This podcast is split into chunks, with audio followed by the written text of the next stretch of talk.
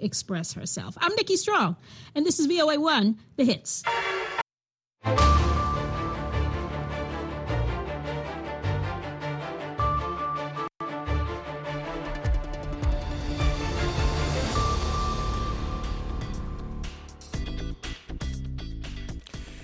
Halkani waa washington. Laantaab soomaaliga ee v o a oo aad si toosa uga dhagaysanaysaan muujada gaagaaban iyo weliba efemyada geeska afrika iyo caalamkao dhan ood nagala socotaan boggayaga v o a somali com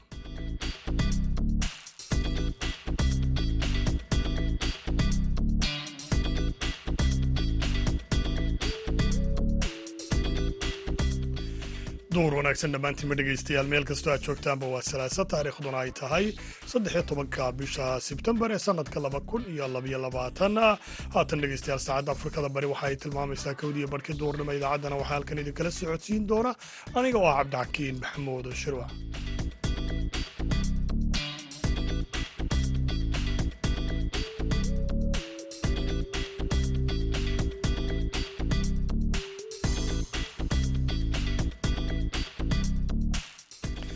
qodobada dhegaystayaal aad ku maqli doontaan idaacadda duhurnimona waxaa ka mid a dhallinyaro bartay caafimaadka oo xarumo lagu barto caafimaadka ka hirgeliya gobolka sool kuwaasoo bulshaduna ay soo dhoweysay kuliyadaha aan hayno waxaa ka mid ah nersintii murweferigii iyo laboratoriga oo shaybaadhkiya. Waa kuliyadaha ugu badan xoogga aanu saarno. Runtii waxaan soo saarnaa arday quality leh muddo laba sana ayay nagu qaadataa ardaydaas inaan tababarno. Xaqiiqatan markii aan furanay iyo maanta waxaa u farqi aada u weyn. Waxaan haynaa arday tayo iyo quality ku dhisan. Waxaa kaloo aad maqli doontaan waalidiinta dhadhaaba ku dhaqan oo ardayda ku wacyigeliya xoojinta waxbarashada iyo weliba ka hortaga amaba ka dheeraanta daroogada ama maandooriyaha. Dhinacii kaalmaha heesaha iyo weliba ciyaaraha ayaan sidoo kale dhegaystayaal idiin haynaa hase yeeshee marka hore ku soo dhowaada warkii dunida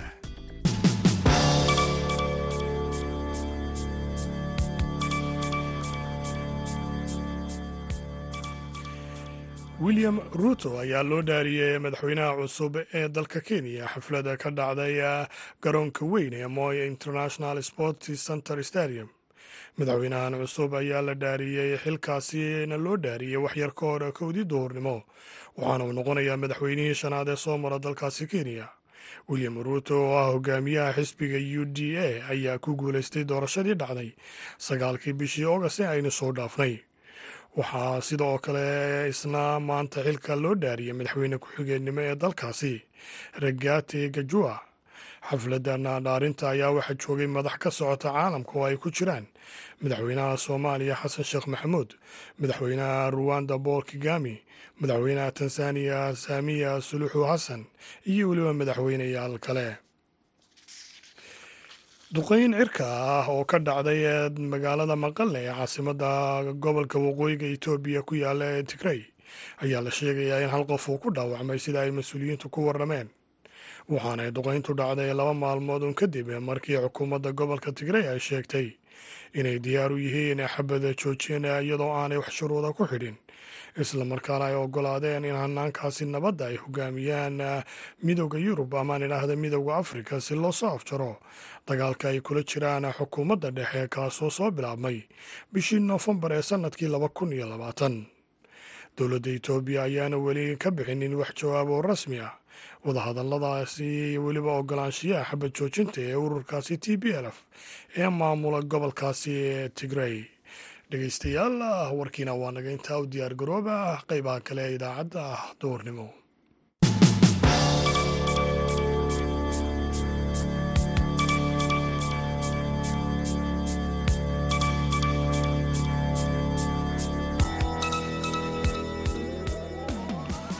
duur waana wanaagsan dhammaantiin waa dhegaystayaal ayaan idin leeyahay meel kastoo aad joogtaanba aan ku bilownay dhallinyarada jaamacadaha soo dhammaysta ee ku soo laabta gobolka sool ayaa xarumo caafimaad oo lagu barto dhinaca caafimaadka ka hirgeliya gobolkaasi sool. Waxaana dhallinyaradaasi xarumaha hirgeliya ka mid ah doctor hibaaq saleebaan gaas iyadoo magaalada laascaanood oo kula kulmay islamarkaana u warantay wariyahayaga cabdikariim olol walaal waan ku dhowhay aad ba umahadsantiin v o a. Maanta inaad nagu soo boqotaan xafiiskayga. Maxadka caafimaadka ee gobolka sool ee global health and college ayaan ka hay maamulka caafimaadka. Arday kala duwan oo isugu jira wiilal iyo gabdho ayaan tababarnaa halkan xirfadda caafimaadkan ku barnaa. Kuliyadaha aan hayno waxaa ka mid ah nersintii murweferigii iyo laboratoryga oo shaybaadhkiya. Waa kuliyadaha ugu badan xoogga aanu saarno. Runtii waxaan soo saarnaa arday quality leh. Muddo laba sana ayay nagu qaadataa ardaydaas inaan tababarno. Xaqiiqatan markii aan furanay iyo maanta waxaa udhexeeya farqi aada u weyn waxaan haynaa arday tayo iyo quality ku dhisan.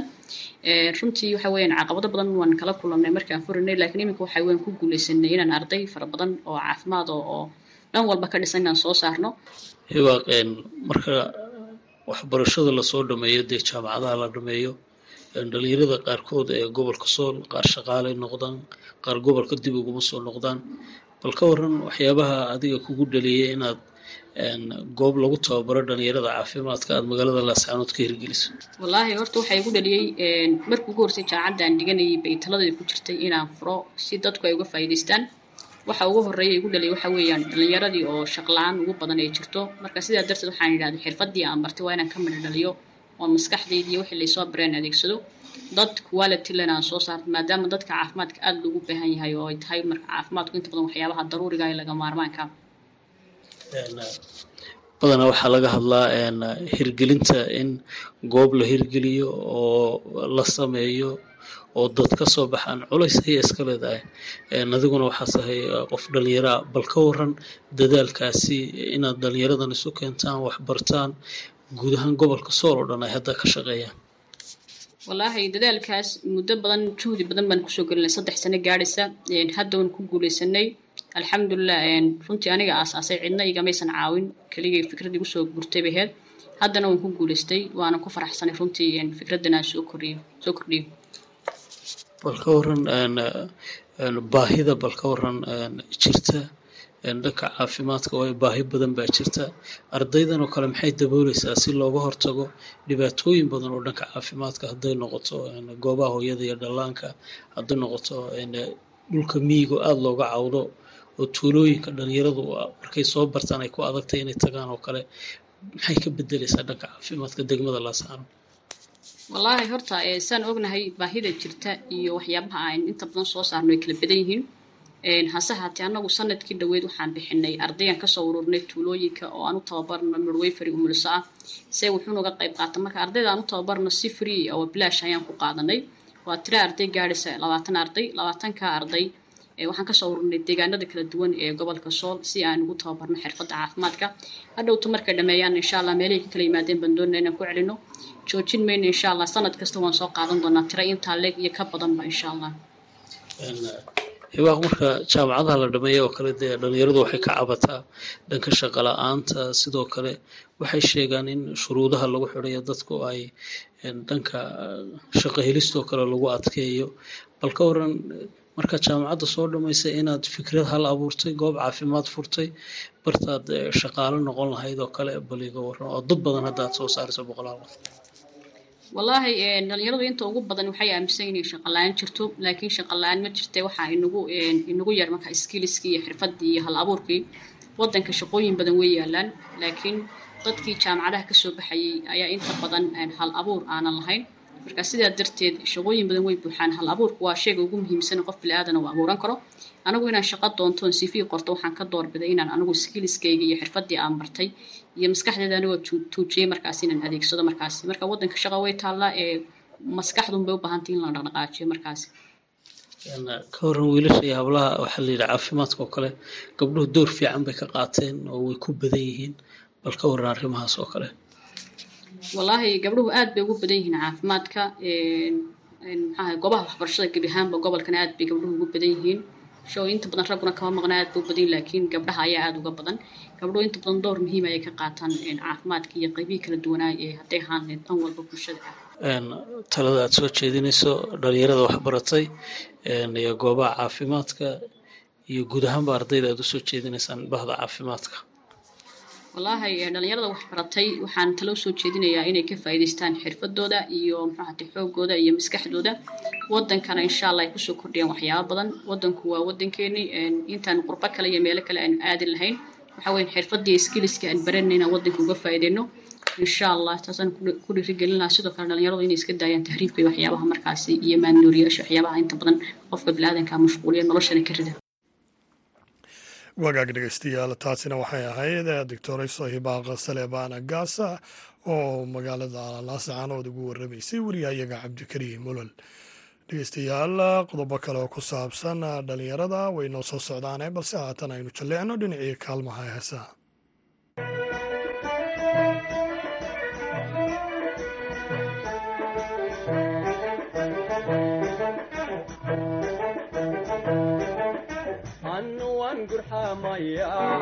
sida arganta halqaba gedu gaalawaayan marbaa geesuroora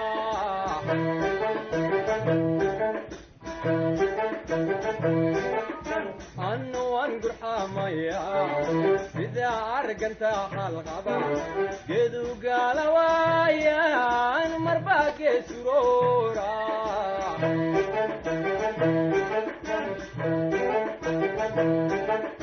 nafsi hayga gaadano calabgeedi weegaye gabadhaan jeclaayey miyaadii gargaaray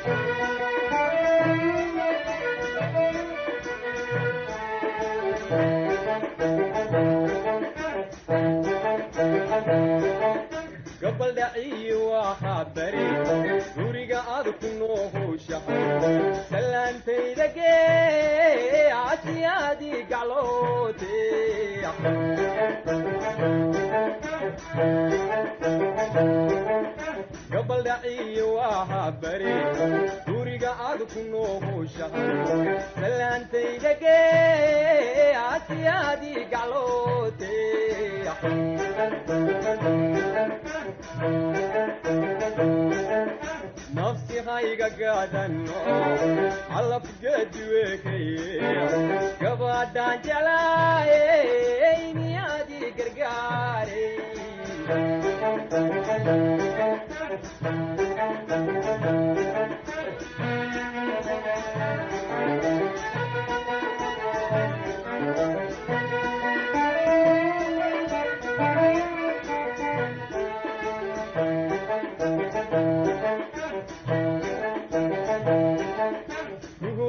gandhiilano garbahaagu dhahaafay sidaa tentagee kenyada marbaa geesituu furtahan gelindhaxaa habeenkii riyawgu guryaamaaye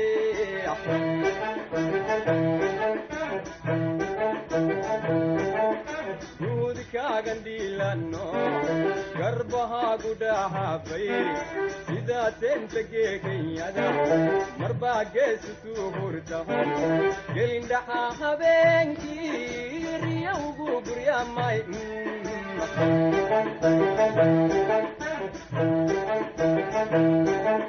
nafsi hayga gaadano calabgeedi weekaye gabadhaan jelaayey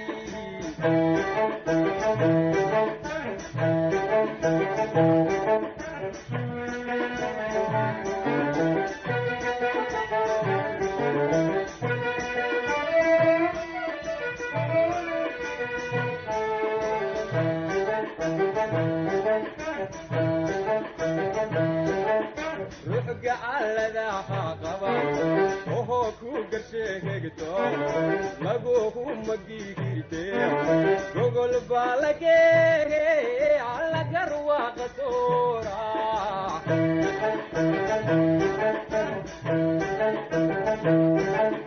ruux gacaladaha qaba ohoo ku garsheegegto laguhu magigirte wagaag dhegeystayaal heestaasi uu codkiisa inagu soo gaarsiinayey shariif cabdallana aynu intaasi kaga nimaadna islamarkaana aynu hore ugu sii soconno qeybaha kale idaacadda duurnimo ee barnaamijka dhallinyarada maanta cusmaan maxamed bare ah wiil dhallinyaro ah oo ku nool xeryaha qaxoontiga ee dhadhaab ayaa barnaamijyo wacyigelina si tabarucaad ah uu gaadhsiiya bulshada ku nool xeryaha qaxoontiga ee dhadhaab isagoo inta badan gaadhsiiya.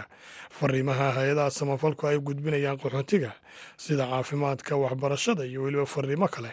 Waxaana uu barnaamijkaasi wacyigelinta ee uu sameeyo islamarkaana uu qaxoontiga gaadhsiiyo uga waramay wariyahayaga nooga soo warramay xeryaha qaxoontiga ee dhadhaab axmed nuur yogol shaqadeena inta badan aan ka shaqeyno mise kaas ahaan aan ka shaqeeyo waxa weeyaan wacyigelin wacyigelinta bulshada wacyigelinta aan sameyno way kala dugan yihiin waama wacyigelin kala duwan. Marka koowaad waxaan ku saleynay midda caafimaadka tan kalena midda waxbarashada. Midda waxbarashada markaan ku soo hormaro tan waxbarashada waxaan waalidiinta aan ku dhiiragelinaa inay ilmaha iskoolaadka ay geeyaan dhalinta ay iskoolaadka waxyaabaha noocaas ay ku taakulayaan dhalinta ay diyaariyaan waqtigii iskoolka la gaaro cunuga la soo xasuusiyo mise ilmaha la soo xasuusiyo inay iskoolaadka waqti fiican waqtigii iskoolka ay dib uga soo laabteen xaaladahooda iyo cashiradooda iyo waxay ay soo qaateen lala socdo. Dhanka caafimaadka waxaan dadka ka wacigelinaa maamooyinka mise hooyooyinka uurka lah inay macnaha ay tagaan waqti kastoo goobta caafimaadka ilmaha nafaqadarada iyo waxyaabaha noocaas haysto in goobta caafimaadka la geeyo. Jira waqti kastana qofka uu caafimaadkiisa uu la socdo. Dhalinyarta waxaan aan kala hadalnaa mise aan kala dardaaranaa intaan wacyigelintaas aan la soconno. Inay ka fogaadaan drug abuska mise daroogada iyo waxyaaba noocaasa sidii jaadka iyo xashiishada iyo qamriga iyo waxyaaba noocaasa inay ka fogaadaan. Marka annaga shaqada weyn ay tahay mise kaas ahaan aan ka qabanaa xerada ifo. Cusmaan waxaad u istaagtay in bulshada ku nool xeradan qaxootiga ifo aad ka wacyigeliso arrimahaasi aad ka dhawaajisay. Marka maxaa kugu dhaliyey in bulshada qaxootiga aad u istaagto inaad ka wacyigeliso arrimahaasi aad ka dhawaajisay?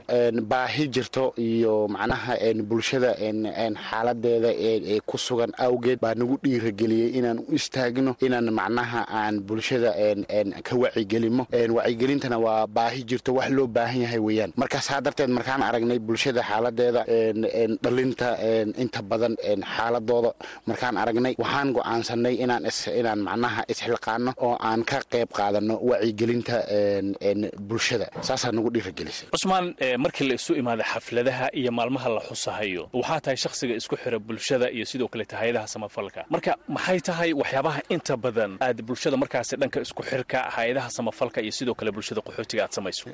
Waa run xalfadaha waaweyn oo xirooyinka ka jiraan markay dhacayeen. Inta badan waxaan ahay ninka isku xiro mise ninka daadihiyo xalfadaha iyo waxyaaba noocaas ah marka tan waa dhiiragelin shakhsiyeed. Markii koowaad aniga isku dhiiragelinaya markii labaadna waa baahi macnaha bulshada ay u qabto hay'adaha samafalka ee xerooyinka wixii ay sheegayeen inay maqlaan inay ogaadaan. Annaga marka aniga cusmaan ahaan arrintaas waan isku xilqaamay. Hay'ad kasto iyo brograamka iyo barnaamijka markaas ay wadato iyo wixii ay sheegi rabto inaan bulshadeenna aan fahansiino xalfadana macnaha daadihinteedana waa macnaha arrin aan isku soo xilqaamay inaan daadihiyo si aan iskugu dhiirageliyo waana waxyaaba aan haybad u leeyahay arrintaas iyada ah mise inaan mc aan ka noqdo xalfad kasta oo ka dhacdo xerada ifo mise dhaadhaab soona dhaadhaab oo dhan ka dhacdo waa wax haybadaan u leeyahay iyo xirfadaan u leeyahay weeyaan. Cusmaan xaafadahaad ku wareegtaa inta badan mikrofon baad qaadataa gaadhi intaad saarato adoo hay'adaha gacan ka helaya. Bulshada waxaad ka wacyigelisaa dhibaatooyinka aad sheegtay. Waxaa ka mid ah dhanka waxbarashada. Marka markay timaado inaad waalidiinta iyo ardayda aad la hadasho dhanka waxbarashada wadooyinkee ama wadiiqooyinkee ayaad u martaa? Inta badan waxay aan sameyno oo ah inaan ka wacigelino bulshada dhanka waxbarashada iyo dhanka caafimaadka ah. Waxaan qaadanaa microfonya baan gawaarida aan ku xiranaa blogyadaan dhex marnaa. Dadka waxaan dhahnaa ogeysiis ogeysiis ogeysiis. Maanta waxaan idin ogeysiinaynaa saas iyo saas. Marka qofkii su'aal qabo mise la rabo inuu ka baa ogeysiiska aan wadno inuu laga baahi tiro waxyaabaha asaga dhanka waxbarashada uu ka qabo waxyaabaha dhanka caafimaadka uu ka qabo waan u istaagina waanan ka kaafina. Taas waa midoo microfonyadan aan isticmaalna mida kale waxaan sameynaa waxa la yidhaahdo focus group group discussion f g d laba iyo toban qof mise shan iyo toban qof aan iskugu yeerna oo bulshada ka mid ah waxaan la yeelanaa su'aalo inaan wareysano iyo baahida jirta iyo sidii macnaha wax looga qaban lahaa iyo sidii baahidaas iyo macnaha jirta sidii laiskaga kahashan lahaa hay'adihii samafalka wada iyo bulshadii sidii loo horumarin lahaa waxbarashadii iyo caafimaadka. Waxaa jira muddooyinkii covid nteen uu jiray weliba iyadoo uu jiro covid nteen inaad aada ugu istaagtay in bulshada ku nool xerooyinkan qaxootiga ee dhadhaab oon faham fara badan ka haysanin. Dhibaatada uu leeyahay covid nteen siyaabaha loogu kala qaada siyaabaha looga hortaga inaad u istaagtay. Marka arrimahan xilliyada aad bulshada aad gaadhsiinayso waxaad sheegtay in qaarkood aad isu keento qaarkood inaad mikrofoonno ku gaadhsiiso marka ma dhacday in qaar ka mida bulshadan waxyaabihii aad adiga aad siisay inay sii gaadhsiiyaan dhallinyarada kale ku nool xerooyinkan qaxootiga ee dhadhaab si iyaguna bulshada kale ee qaxootiga ay u gaadhsiiyaan inta badan barnaamijyada aan ku shaqeyno waxaa weeyaan haddaan la kulanno laba qof mise saddex qof fariintaasayta waxaan ku kalsoonnahay bulshada fariintaasaan u sheegnay inay soo gudbiyaan ay u sii sheegaan dadka kale aananna maqlin mise dadka kale oo forumkaas mise korumkaas mise fadhigaas iyo bulshadana waan ku kalsoonnahay waxaana jiraan dad guddi ah oo bulshada ka mid ah oo shan iyo toban qof ka kooban oo nala shaqeeyo oo fariinyada inta badan ayaga aan ka soo ridino si bulshada ay ugu gudbiyaan. Mise fariin alla fariinta aan wadno aan kala tashanno fariintanaan rabnaa inaan bulshada aan u gudbino sayna ila tahay. Ayaga ee guddigaas ay noo gadgediyaan ay dhahaan fariintan waa fariin sax ah ha lagu dhaqaaqo bulshadana ha looga baahi guddigaasna gacan buu naga siiyaa inay fariimada bulshada ay u sii gudbiyaan ayagana. Cusmaanow markay timaada nin dhallinyaro uu joogay xero qaxooti islamarkaana uu istaagay wacyigelinta bulshada.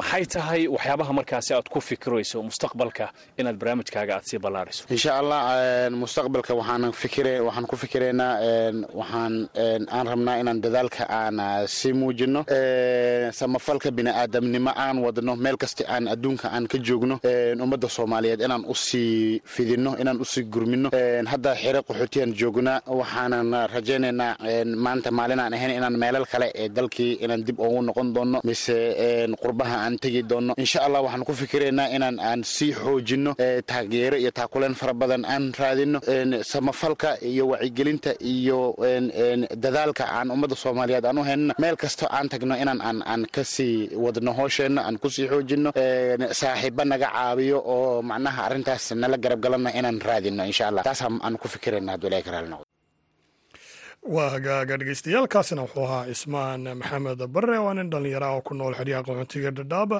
islamarkaana barnaamijyo wacyigelina bulshada halkaasi ku nool si tabarucaada u gaarsiiya. Waxaana u warramaya wariyahayaga axmed nuur maxamed yogol. Haatana dhegeystayaal dhinacii xubinta ciyaaraha ku soo dhowaada oo inoo hayo maxamuud masaade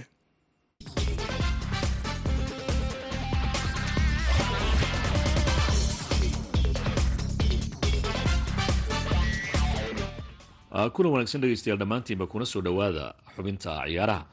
Aan ku bilaabaya koobka kooxaha qaaradda yurub ee champions league ayaa caawa mar kale la isugu soo noqonaya iyadoo ilaa iyo inta laga gaarayo koobka kubadda cagta adduunka ay kooxaha qaaradda yurub ciyaaraha champions league toddobaad walba ay ciyaari doonaan. Kooxda kubadda cagta ee liverpool oo ayax isku wada jiraan groupka e oo napoli iyo sidoo kale rangersna ay groupkaasi ku wada jiraan ayaa caawa mar kale waxa ay ciyaareysaa kulankeedii labaad ee horyaalka kooxaha qaaradda yurub ee champions league waxayna gegideeda anfield ku soo dhaweyneysaa kooxda kubadda cagta ax ax kulankii koowaad rangers ayay ka soo adkaatay halka liverpool wejigabax ay kala soo noqotay garoonka diego armando maradona ee kooxda kubadda cagta ee napoli ay ku ciyaarto oo si weyn oo xaraga leh lagaga soo adkaaday. Caawa taageerayaasha kooxda kubadda cagta ee liverpool waxay ka rajeynayaan in kulanka ay gurigeeda ku ciyaarayso ay kooxdu guul ka keento. Waxaa kooxda dhaawac weli kaga maqan xidigo dooro uu ku jiro kabtankooda henderson oo kulanka caawa aan safan doonin. Kulamada kale ee xiisaha lee dhacaya waxaa ka mid ah gruupka b bayer liverpoolson iyo atletica madrid ayaa kulmaya kooxda kubadda cagta atletica madrid kulankii toddobaadkii la soo dhaafay. Darqi ayay ku soo baxsatay bayer liverpoolson ay gurigeeda ku booqan doonta f c porto calabruj ayay la ciyaareysaa gruupka d oo ay ku wada jiraan sportis lisbon iyo tottenham hatsba ayaa iyaguna fooda isdaraya iyadoo kulankan uu ka dhacayo guriga sporting. Makze oo toddobaadkii hore laga soo adkaadayna eintracht frankfort oo iyadana laga soo badiyey ayay madaxa isla geli doonaan. Gruupka c oo lagu tilmaamay inuu yahay gruupka gerida ayaa waxaa fooda isku daraya kooxaha victoria blazon iyo inter oo labadaba laga soo badiyey kooxda inter waxaa weli dhaawac kaga maqan ciyaaryahan lukaku waxayna rajo ka qabtaa inay guriga victoria balazon ku soo adkaato inkastoo kooxda wadanka jack republic aanay doonaynin gurigeeda in dhibcaal lagaga qaato. Kulanka toddobaadkuse waxa uu dhex marayaa kooxaha kubadda cagta ee bayer munich iyo barcelona oo labadooduba kulamadii ay soo ciyaareen soo badiyey kulankan waxaa xiise gaara u yeelaya ciyaaryahan lubandowski oo kooxda bayer munich xil ciyaareedkii la soo dhaafay u ciyaarayay oo haatana ku soo biiray kooxda kubadda cagta ee barcelona ayaa dib ugu noqonaya garoonkii oo goolasha badan ka dhalin jiray ee allianz arena. Waxaana kooxda kubadda cagta ee barcelona ay ka rajeynaysaa xidigoodu in uu guul uga keeni doono kooxda kubadda cagta ee bayer munich. Dhanka kale difaaca iyo kooxda kubadda cagta ee bayer munich waxa ay ku xisaabtamayaan xidigan oo ay inta badan fahamsan yihiin qaabka u ciyaaro in ay caawa joojiyaan. Waxaanse la ogeyn inay taasi suuragal noqon doonto maadaama xidigan kulankii ugu horeeyey ee ciyaaraha qaaradda yurub ee champions league u safto barcelona. Toddobaadkii hore uu saddex gool ka soo dhaliyey kooxda kubadda cagta ee victoria blazon laakiin kooxda kubadda cagta ee bayer munich marka la eego is-aragga iyada iyo barcelona inta badan ayaa iyada ayaa guulaysata oo sideed kulan iyada ayaa ka badisay barcelona halka barcelona laba kulan oo keliya ay bayer munich abidkeed ka adkaatay hal kulanna ay barbaro la gashay. Haddaba ma waxaa adkaan doonta kooxda kubadda cagta ee bayer munich oo inta badan fahamsan sida loo garaaco kooxda barcelona? Mise levandowski ayaa arrintaasi wax ka balidali doono oo guriga bayer munich guul uga keeni doona kooxda kubadda cagta ee barcelona. Labadan kooxood xidigahoodu inta badan waa ay dhagadhan yihiin. Barcelona hal ciyaaryahan xitaa dhaawaca kama maqna ciyaaryahana kama ganaxna laakiin kooxda kubadda cagta ee bayer munich ciyaaryahan coman ayaa ganax kaga maqan. Waxaynu wada sugnaaba waa kulanka caawa ee bayer munich iyo barcelona. Waagaag dhegeystayaal xubinteena ciyaarahan inta ayaan ku soo gabagabeynaya tan iyo kulan dambe oo mascado idila sida iyo nabadgelyo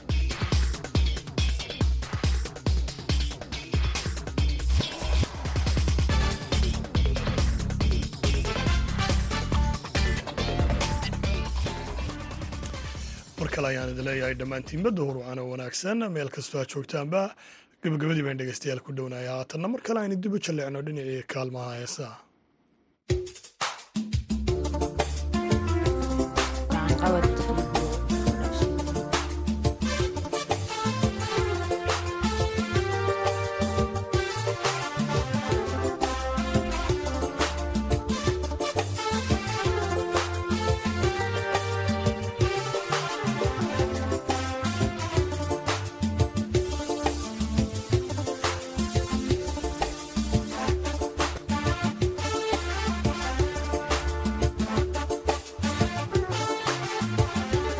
dayaxiyo cadceediyo deegaan la moodyay malab lagu durduurtiyo daxabkoo iftiima dayaxiyo cadceediyo deegaan la moodyay malab lagu durduurtiyo daxabkoo iftiima daawashada kuwaanay damaqbayga kaagalay damaqbayga kaagalay daawashada kuwaanay damaqbayga kaagalay damaqbayga kaagalay waxaa waxaa iga dardaaran oon kaaga digaya waxaa waxaa iga dardaara oon kaaga digaya dadkayuusku keendirin dabdhaxadiina laga shidin dabdhaxdiina laga shidin dadkayuusku keendirin dabdhaxadiina laga shidin dabdhaxdiina laga shidin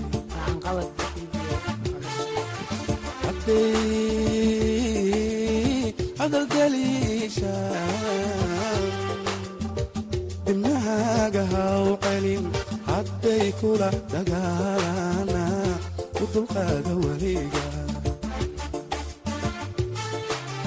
Hadday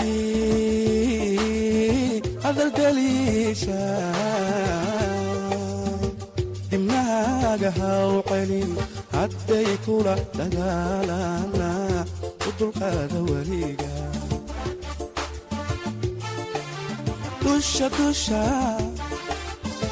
Dusha hadalka kaga tuur iyaga dareemi.